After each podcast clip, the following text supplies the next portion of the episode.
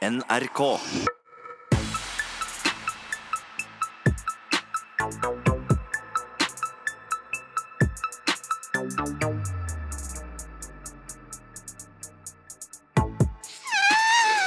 Oskar! Oskar! Det er jo en litt spesiell anledning, da, så jeg blåser opp eh, ballong for å sette opp eh, stemninga her inne i studio. Hvorfor det? Altså, I dag er det jo en røver som skal løslates. Mr. Black her. Som står ved. Mr. Black, du skal løslates. Hvordan føles det? Føles deilig. Hva er det første du skal gjøre? Seriøs. Hæ? Jeg skal hanky-panky. Oi, oi, oi. Jeg må ha sex, da. det er ti og en halv måned uten å ha hatt sex. Eller jeg har hatt sex på besøksrommet. Det kan veldig veldig feil ut. Jeg har hatt sex, men jeg har ikke hatt ordentlig sex. Ikke sant, i en seng, Så du kan tenke deg stå med bønneren i ti og en halv måned. Det er ikke sunt. vet du Nei, eh, jeg kan bare forestille meg hvordan det er. ja, Det er ikke Eh, sånn som deg i besøksrommene. ikke sant? Men eh, fra en ting til en annen. Velkommen til sendinga. Dette her er sjølveste Fredrik, og de to stemmene du hørte nå, er selvfølgelig Oskar og løslatsofferet Mr. Black. Løslatt officer. Du må si vakre Mr. Black. Ja, om forlatelse. Om forlatelse. Tusen takk. I dag så har vi en proppa sending. Men først har du gjort noe gøys siden sist, mister Mr. Oskar? Uh, ja, eller eh, Ja, det har jeg jo. Jeg kan jo fortelle litt om hva som skjedde i dag. I dag oppe på min avdeling, da, med er stifinneren her i Oslo fengsel, så var det jo en sånn vaske huset da. Og da skal man vaske alle kroker og vegger og hjørner og tak og alt mulig. Jeg slapp heldigvis unna. Slapp unna, for jeg skulle ned hit på radioen, så jeg er litt glad for det, egentlig. Mr. Sneaky Picky, Mr. Sneaky Picky. Det er godt jobba. Godt jobba. Jeg var ikke snikete, jeg var heldig. Ja. Eh, vi har, eh, I dag så har vi eh, en litt spennende greie. Vi skal bli kjent med Sandy, som eh, sitter og chiller'n på Bredtvet. Så hun skal fortelle litt grann om eh, Hun har en, en litt annen utfordring, så det blir spennende å høre litt på. Det blir det. Eh, har du noe mer på agendaen? Ja, det er jo, I dag kommer jo min favorittspalte her på Røverradioen, og det er eh, sånne røvertabber. Og i dag så skal det handle Så er det du som har en historie til oss, eh, Fredrik. Og det, ja, det var jo en historie hvor du kjørte på litt, da, for å si det sånn. Og det var ikke akkurat flyt i trafikken. Og det endte jo med en hel haug med nye venner på Facebook. Ja, det var hell i uhell. det. Om de var helt lovlige, det er noe annet. Nei, det blir flaut og spennende. Det blir flaut og spennende. Vi skal også snakke litt grann om eh, gjenger i fengselet. Eh, hva som skjer når de møtes her inne, som har bråk på utsiden. Blir det full kaos? Blir det ordnings? Det finner vi ut etterpå.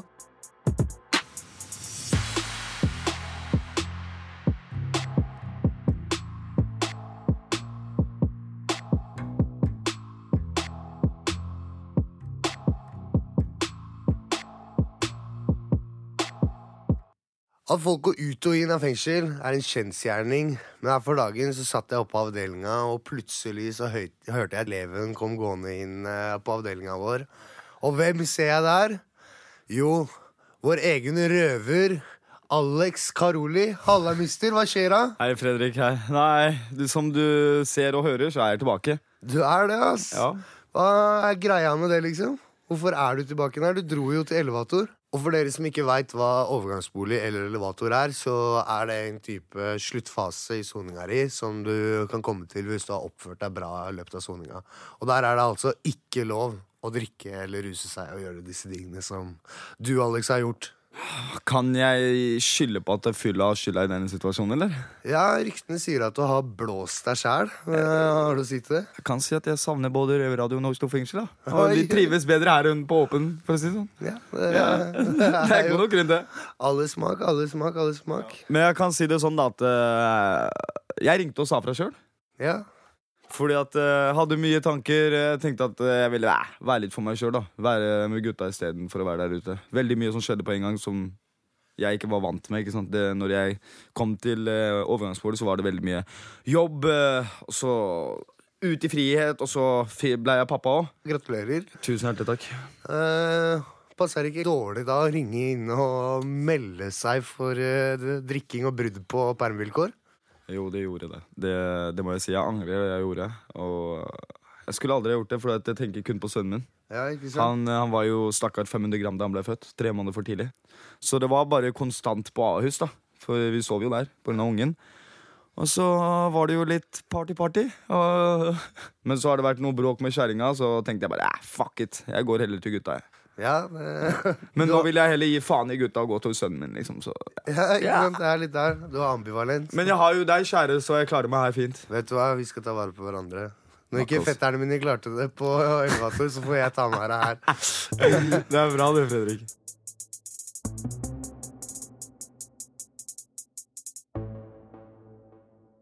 Chris, du er jo eh, med i LAR-programmet. Det stemmer. Hvor lenge har du- vært med? Nei, jeg har vært i LAR i eh, ni-ti år. Litt sånn år. av og på. Og LAR det står jo for legemiddelassistert rehabilitering. Men nå lurer jeg på, Det høres jo veldig kjedelig og akademisk ut. Eh, Hva, hva er egentlig LAR? Eh, LAR er et tilbud da, for folk som sliter med tunge stoffer på utsiden. Så det er Ja, det er et statlig dop, da. Som eh, folk kan eh, gå på daglig. Og eh, så de slipper å måtte drive og kjøpe dop på gata for å ikke bli dårlige. Men man har litt forskjellige alternativer som man får utdelt. Eh, ja. Det er jo, for det første så er det jo Subuxone, som de vil helst at de fleste skal gå på. Og så kommer du over til eh, Subutex, og så er det Metadon. Hvorfor vil de at folk skal gå på Subuxone? Ehm, jeg tror det har litt med det at eh, folk blir eh, dårlige, da. Eh, eller det vil ikke funke. Hvis du tar heroin mens du går på Subuxone, så, så vil det ikke funke fordi det er motgift mot, mot heroin. da. Mens både Metadon og Subutex, da kan du på en måte ruse deg oppå det du får Ja, ja, men da, da må det til en god del større mengde med heroin. Eh, og disse ulike alternativene Jeg har sett sånn derre at eh, metadon, at det drikker man. At det er sånn rød drikke. Ja, det er flytende væske, ja. Mens, eh, mens Subutex og Subuxone, hvordan tar man det? ja. Det er en pilleform, en Ja. smeltetablett, som eh, du legger under tunga. Så smelter det i løpet av fem minutter. Så det tar en, ja, en fem-ti minutter før virkningen kommer, da. Men sånn når man er med i, i LAR, er det noe annet man får da, eh, bortsett fra at man får da statlig dop, da, som vi så fint kaller det? Ja, jeg, jeg, jeg syns det er ganske greit. Eh, Vi som bruker disse medisinene, vi får jo veldig dårlige tenner opp gjennom årene. Så du har jo gratis tannpleie da, så lenge du er innenfor LAR-systemet. Så har du krav på gratis tannpleie når du enn skulle trenge det. Så og tannpleie er jo veldig dyrt. Og så får du, du fortalte meg at trygda di er linka opp med eh, LAR-programmet. Ja, ikke akkurat trygg, da. Det er A AAP okay. som jeg får uh, via Nav. Så er det jo det at for å kunne få arbeidsavklaringspenger, så, så må du ha et tiltak. Og LAR er jo et tiltak. Så er du ikke klar for å jobbe, så, så hold deg til LAR.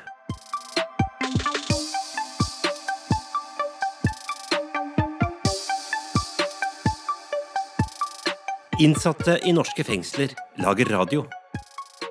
Du hører Røverradioen i NRK P2. Nora, hva er gærent med deg? Du, du forbanna ut. Hva er, det, hva er det som har skjedd? Greia er at uh, jeg har fått uh, rapport på meg, så jeg uh, er deppa pga. det.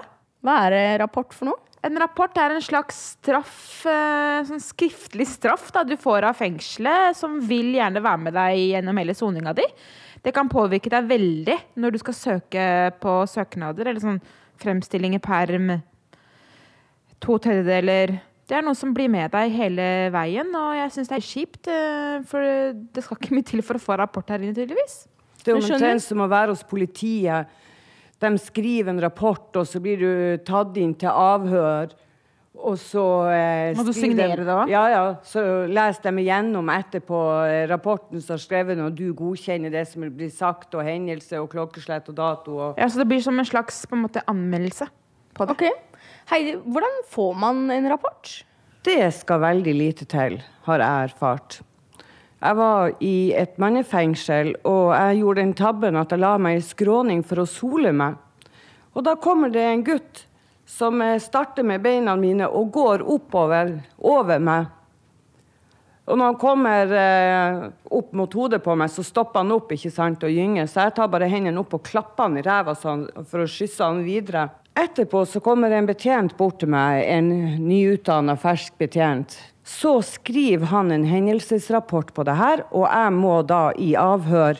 Men det blir hengende med meg. Og det blir brukt mot meg seinere når jeg skulle søke. Ut ifra det som akkurat er blitt fortalt, Nora, burde egentlig fengselet slutte med å rapportere de innsatte? Ikke egentlig. Jeg syns det er helt greit at folk straffes for eh, at de ikke følger fengselets regler. Eh, men man må bare liksom passe på at man ikke er til feil plass og feil tid, fordi det var det som skjedde meg. Eh, men jeg fortjente det, i mitt tilfelle. Eh, jeg så den egentlig komme, men det var noe som bare kokte over for meg der og da, og derfor fortjente jeg den. Men igjen, jeg har sett rundt meg mange mange innsatte som gjør gale ting, og de bør få konsekvenser for det, fordi ellers er det for lett å bare sone i fengsel. Regler må vi ha så det ikke blir anarki.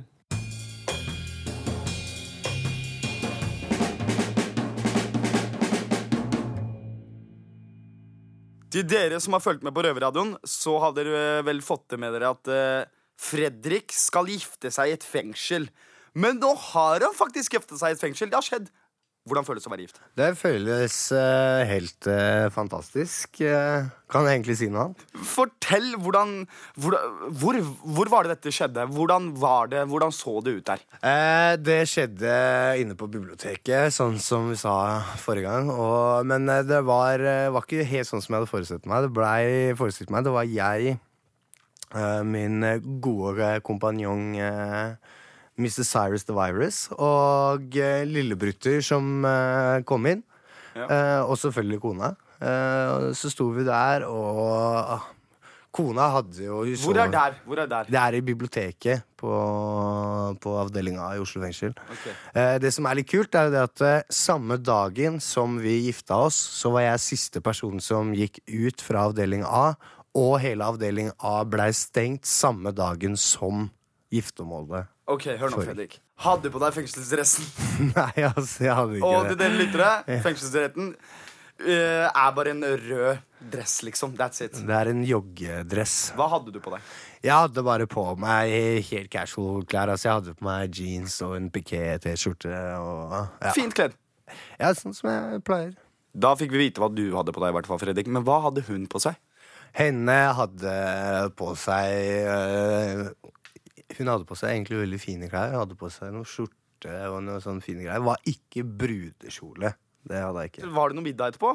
Jeg hadde lagd eh, middag på avdelingen, så hadde jeg syv-åtte timer besøk etterpå. Oi. Ja, og da fikk jeg hente, siden det bare var jeg som var igjen på hele fengselavdelinga. Det var jo bare meg og kona og Cyrus som Hva var igjen. lagde du? Jeg lagde noe sånn thai-greier med kylling og kokosmelk og ikke noe sånn Men jeg hadde jo, det må jeg si da, at jeg hadde jo bestilt kake fra utsiden, så jeg, hadde, så jeg fikk en kake. Moro, da. Ja, bryllupskake. Eh, jeg må bare si det på den måten at eh, det ser ut som du har fått deg en veldig bra jente som har takka ja til å gifte seg med deg i et fengsel. Ja. Eh, de fleste jentene drømmer om en brudekjole, men hun tydeligvis drømmer om deg. Ja. Det er en bra, bra ting, så du har vært veldig heldig der, Fredrik. Ja. Men der var du heldig, Fredrik. Men hvorfor valgte hun å gifte seg i et fengsel og gå glipp av en stor bryllup for deg? Hvorfor? Eh, vi har blitt eh, enige om at eh, vi skal ha en svær fest når jeg kommer ut. Og så veit en jo hvem jeg er. Så det blei sånn Bonnie and Clyde gangstershit. Kan du så... definere 'veit hvem jeg er'? Nei, det, hun veit jo hva hun blir sammen. Full av tatoveringer over hele henda og ser kanskje litt uh, småkriminell ut. Så Men nå gjenstår det bare å si gratulerer til deg, Fredrik. tusen takk, bro.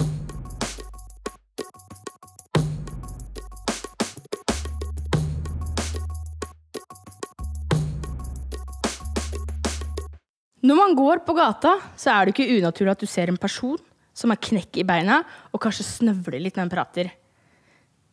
Du gjør deg opp dine egne tanker om at kanskje personen er heroinist og står der og ødelegger livet sitt og bare driter fullstendig i det. Men det du ikke veit, det er jo det at personen har jo faktisk en historie du ikke vet om. Velkommen, Sandy. Takk skal du ha. Hvor lenge har du egentlig gått på LAR? Jeg har vært med i 13 år nå. 13 år, ja. Det er ganske lenge, det. Og da er det mye forskjeller eh, fra, altså, fra dags dato da, til da du begynte med LAR? Eh, LAR var veldig annerledes eh, da jeg begynte. Da var det jo ti, Du måtte ha ti års opiatdominert misbruk. Du måtte være 30 år. Det var aldersgrensa. Og ja, det var veldig mye annerledes. Oi, det var jo egentlig veldig strengt, da. Ja, det var superstrengt hvis du sammenligner med folk i dag. Da, I dag er det jo ingen aldersgrense. Eh, Du trenger ikke noe dokumentasjon. Du, så, hvem som helst kan egentlig få LAR. Eh, Kan jeg spørre deg om noe personlig? Ja. Hva slags medikamenter er det du bruker for eh, heroinen? Jeg bruker noe som heter Subuxone. Det er en à la Subutex. Det er bare at det er motgiftig. Ok. Og siden dette har du brukt i nå 13 år? Ja. Nei, jeg gikk først på metallen i fire år, og så bytta over til, til det jeg går på nå. Subuxone. Ok. Ja. Sliter du med mye bivirkninger og sånn? Ja, en del vann i kroppen og svimmel og litt humørsvingninger og sånn, men eh, takler det. Opplever du at det hemmer deg i hverdagen? Eh, nei. Det er ganske bra. Uansett så bedrer livskvaliteten, uansett hvordan vi vender på det egentlig der. For at eh, sammenligna med et liv der du går fra flere ganger om dagen og setter deg et skudd, da, med skittent sprøyter kanskje. Noen er kanskje flinkere på det med også å bruke sterilt utstyr, og Ja, det varierer veldig fra person til person. Men eh, livskvaliteten blir veldig lav. For du De fleste har ikke en plass å bo, og du går og vandrer fra folk til folk, og du er veldig avhengig av å skaffe deg penger hele tida. Du må jo være hyperkriminell hvis du skal klare å få inn eh, pengene. Så det slipper du å tenke på når du kommer i LAR. Hvordan vil du si at din hverdag er eh, når du bruker disse medikamentene? Eh, For min del så fungerer jeg mye mer når jeg har eh, kontrollert eh, avhengighet enn Så du, du blir avhengig av disse medisinene? Ja, ja, det, det, du bytter jo bare ut én avhengighet med en annen. Men uh, heller det. En kontrollert avhengighet av staten. Hva betyr altså LAR for deg? Jeg hadde jo ikke vært i live i dag, da. Hvis jeg ikke hadde vært på LAR. Det var så ille, altså? Ja, det var ordentlig ille, egentlig. Så nei, det, man får en bedre livskvalitet hvis man vil, virkelig vil, da. Man må ønske det. Man må ville 100% Så du er faktisk veldig glad for at du har greid det? Ja. Men jeg syns det er ganske stort. Ja. Takk. Hva hadde skjedd hvis du ikke hadde begynt på LAR? Da hadde jeg nok uh, slitt en del. Jeg hadde jo veldig lyst til å klare meg uten. Men mm. jeg måtte jo bare innse til syvende og sist at jeg er så sterk i det. Var det vanskelig for deg? Ja, det er vanskelig å kutte med opiater, for det er en fysisk avhengighet, og du Ja, du ja, det er vanskelig. Nå sitter jo du i fengsel. Vil du, vil du si at det er noen forskjell på å være LAR-pasient i fengselet enn på utsiden? I Den eneste forskjellen er vel at jeg hadde vært på utsida, så hadde jeg måttet være og henta det på et apotek. eh, I nærheten der jeg bodde, eller eh, ja, måtte være avlevert urinprøver flere ganger i uka. Og her inn så får jeg jo utdelt av bekjentene og tar urinprøver her på bruket. Opplever du at det er veldig mye fordommer mot LAR-pasienter? Ja, det virker som at folk er veldig uvitende om hva egentlig hvorfor man får det, og hva man bruker det til. da. På hvilken måte da? Nei, for eksempel folk tror kanskje at man eh, tar imot medikamentet uten å bruke det sjøl, selge videre. Det er jo selvfølgelig dem som gjør det òg, men eh, noen tar det jo mer seriøst. Jeg må innrømme at jeg gjorde ikke så mye i starten heller, men eh, etter hvert så Du skjønte at du hadde behov for, det- mer behov for det Ja, selv? altså, jeg hadde jo egentlig behov for det, men jeg fikk litt mer enn det jeg egentlig trengte. Å ja, ja. det er ikke bra. Nei, det er veldig fort gjort. Eh, Som på metadon så skrur de jo opp dosene så gærent at folk går i tåka og surrer. Uh, på Oi, Subuxone så finnes det jo ikke noe eufori, det er jo ikke noe men. Du blir bare avhengig av. Så du forkorter abstinensene veldig mye etter du har vært på avrusning, f.eks. Ser du for deg en dag at du skal slutte med disse LAR-medikamentene? Eh, ja, men da må jeg nok uh, ha god hjelp. God drahjelp. Jeg håper du får den hjelpa du trenger. Takk. Virkelig. Det håper jeg også. Tusen takk, Sandy, for at du hadde, har gitt oss et innblikk i hvordan det er å være LAR-pasient. Jeg har i hvert fall lært meg veldig mye nytt, så tusen hjertelig takk. Jo, takk sjøl. Innsatte i norske fengsler lager radio. Du hører Røverradioen i NRK P2. Vi har uten tvil gjort eh, mange forskjellige tabber. Men eh, Ja, det har i hvert fall jeg gjort. Men det er ikke alle som vil innrømme det. Men uh, i dag så har jeg faktisk fått en til å innrømme i hvert fall én historie. Det har du. Det er du, Fredrik, som skal dele en røvertabbe med oss uh, her i dag. Det stemmer. Ja. Det stemmer. Skjedde det her nå nylig? Nei, denne røvertabben her, den er fra ganske mange år tilbake i Spania, ass. Men uh, fremdeles like aktuell. Jeg er Oskar, forresten. Og Fredrik, åssen uh, Åssen starta denne dagen her? Den eh, dagen her den starta med at jeg, jeg hadde fått besøk i eh, Spania. Noen kompiser fra I Norge. Spania? I Spania. Var nede ved Marbella og hadde fått besøk Du var på rømmen eller noe, eller? Nei, jeg hadde bare dratt på ferie en liten tur. Okay. Men eh, jeg hadde i hvert fall fått besøk av en del kompiser. Mhm. Og så dro vi på, dro vi på strippeklubb. eh, og hadde sittet der og drikke for eh, sikkert en 5000-6000 norske. Og så skulle Fredrik etter han hadde drikket for 5000-6000 norske ut En og- kompis eller du? Nei, det var meg. Ja. Skulle ut og ta ut kroner da, fra denne såkalte minibanken. Eh, og jeg hadde en bil som var sånn splitter ny, svær Chevrolet for flere hundre tusen kroner. og sånn. Så skulle var det din bil? det, den hadde jeg leid uten noe som helst forsikring. Okay. Så i hvert fall da, så skal jeg dra herifra. Gutta sitter igjen og venter på meg. Jeg skal ut og ta ut penger. Så etter jeg har kjørt inn ti minutter, kvarter, så Hadde du musikk på i bilen? Ja, det full musikk og drita full og lå breit og det var ikke måte på, liksom. Og det endte jo opp med, selvfølgelig, da, at jeg skulle ut på en liten vei, og så bare her er det sikkert. Kjører bortover, peiser av gårde, uten et skilt, uten en forvarsel, så bare stoppa hele veien. Og da var det fritt fall liksom tre-fire meter rett ut i havet. Var det så det som skjedde, var jo det at eh, når jeg først havna i havet, så klarte jeg å komme meg ut av alt sammen var eh, kosher. Men eh, jeg, jeg ble jo griseparanoid og begynte å, å løpe. Så jeg stakk jo av fra hele greia, siden jeg tenkte nå kommer politiet, og nå blir det full stå Så du lot bare bilen synke, da? Jeg lot bilen synke, eh, og kompisa sitte igjen med regninga. Og endte opp med at jeg blei terrorisert og ringt sikkert 500 ganger av gutta som lurte på hvor jeg blei av. De trodde jo at jeg hadde stikket av fra hele regninga. Eh, endte opp med at jeg kom tilbake Blei det dyrt, eller, den regninga? Vet du hva? Det er akkurat det som er litt kult, fordi at jeg fikk det gratis. Jeg kom tilbake igjen kliss våt. Fikk eh, ti nye venner på Facebook eh, fra det lokale horhuset i Marbella.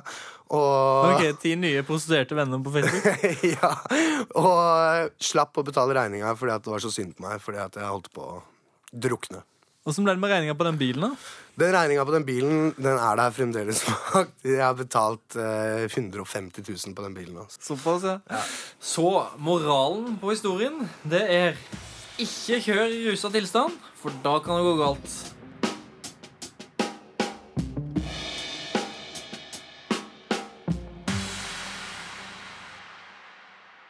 Yo! Og som alle sammen vet, så er det forskjellige mennesker som sitter i fengsler. Noen er vanlige folk, og noen er fra gjengmiljøer. Og det er derfor jeg har med meg Fredrik i studio, og det er Mr. Black som snakker nå. Halla, mann. Yo, Fredrik, det jeg lurer på en ting. Yeah. Hva skjer når to rivaliserende gjenger møtes i fengsel? Eh, det som skjer, er jo det at det kommer an på om det er personlig, eller om det er kun eh, gjengene som har bråk med hverandre. Eh, men eh, sånn i det store og det hele så er det ikke vits å gjøre noe her inne for eh, gjengfolka. Det er eh, kameraer, det er betjenter, det er det hele tatt. Så, Hvorfor det? Nei, det er, jo, det er jo ikke vits å få gjort noe. Hvis du, skal, liksom, hvis du er, har heftig bråk og sånn, og skal du hoppe på hverandre, så blir jo det bare skilt og, og, og, og bare gjøre en dårlig situasjon dårligere. Så det som som regel blir gjort, er det at det blir tatt med inn til presten for nøytral grunn der. Eh, noe som eh, blir respektert av eh, alle i gjengmiljøet. Som jeg er med tittel, i hvert fall. De Hvorfor det? Nei, fordi at det er prest. Det er Terje som pleier å ta seg av det. Terje prest, og, og folk har respekt for han, eh, siden han er en real og bra type. Og når du kommer inn der for å snakke om bråk eller beef, så, så, så respekterer du han og, og det han gjør for deg, så da, da lar du ting ligge der. Så liksom hvis man møter en man har beef med, så bør man la det ligge, da. Det er jo opp til person til person, men, eh, men eh, jeg ville jo ikke anbefalt å, å gjøre noe her inne. Det er jo ikke et mer overvåka sted enn Oslo fengsel, så det er jævlig dumt av deg i utgangspunktet. Men eh, hvis du kommer inn og du vet at det er noen her du har bråk med, så, så kanskje det er lurt å, å be om eller spørre om å få tatt et møte med han hos, hos presten. For å finne ut av hva dere skal gjøre, i hvert fall mens dere sitter her inne. Så det vil si at eh, norske tilstander er ikke som amerikanske tilstander. Så når gjengene møtes der, så er det full slåsskamp, knivstikking. Eh, nei, det er jo ikke Det er jo Norge er Norge, liksom. Amerika er Amerika. Så det, det er jo ikke, er ikke på bølgelengde i det hele tatt. Det er jo ikke det samme i det hele tatt, uansett om du er inne eller ute. Men eh, ja, nei, det, det er langt ifra det samme. Jeg kan ikke sammenlignes engang. Så det man vil si, alle sammen som kommer inn i fengsel, selv om de har beef med andre, så kan de føle seg trygge. Jeg tenker, har du bråk ute, kommer du inn, og du vet at du, er med den andre karen, og du har lyst til å sone rolig og, og gjøre tida di og bli ferdig med det, så spør presten om å få en time med han og den andre personen, og, og la den ballen ligge der.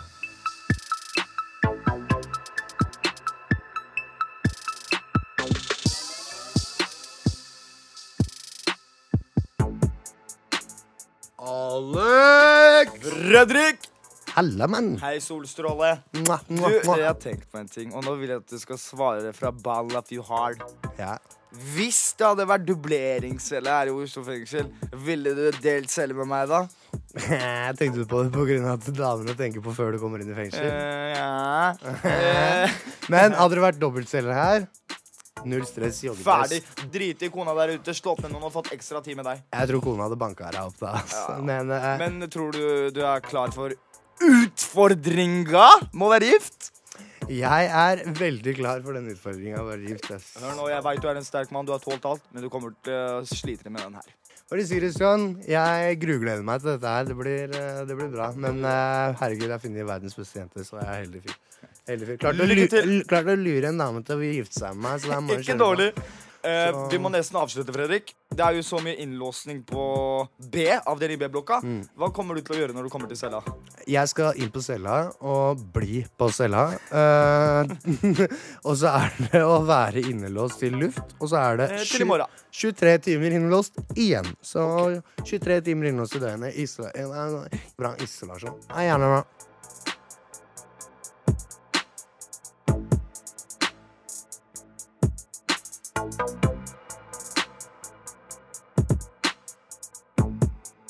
Røverradioen er laga for og av innsatte i norske fengsler. Tilrettelagt for streitinger av Rubicon for NRK.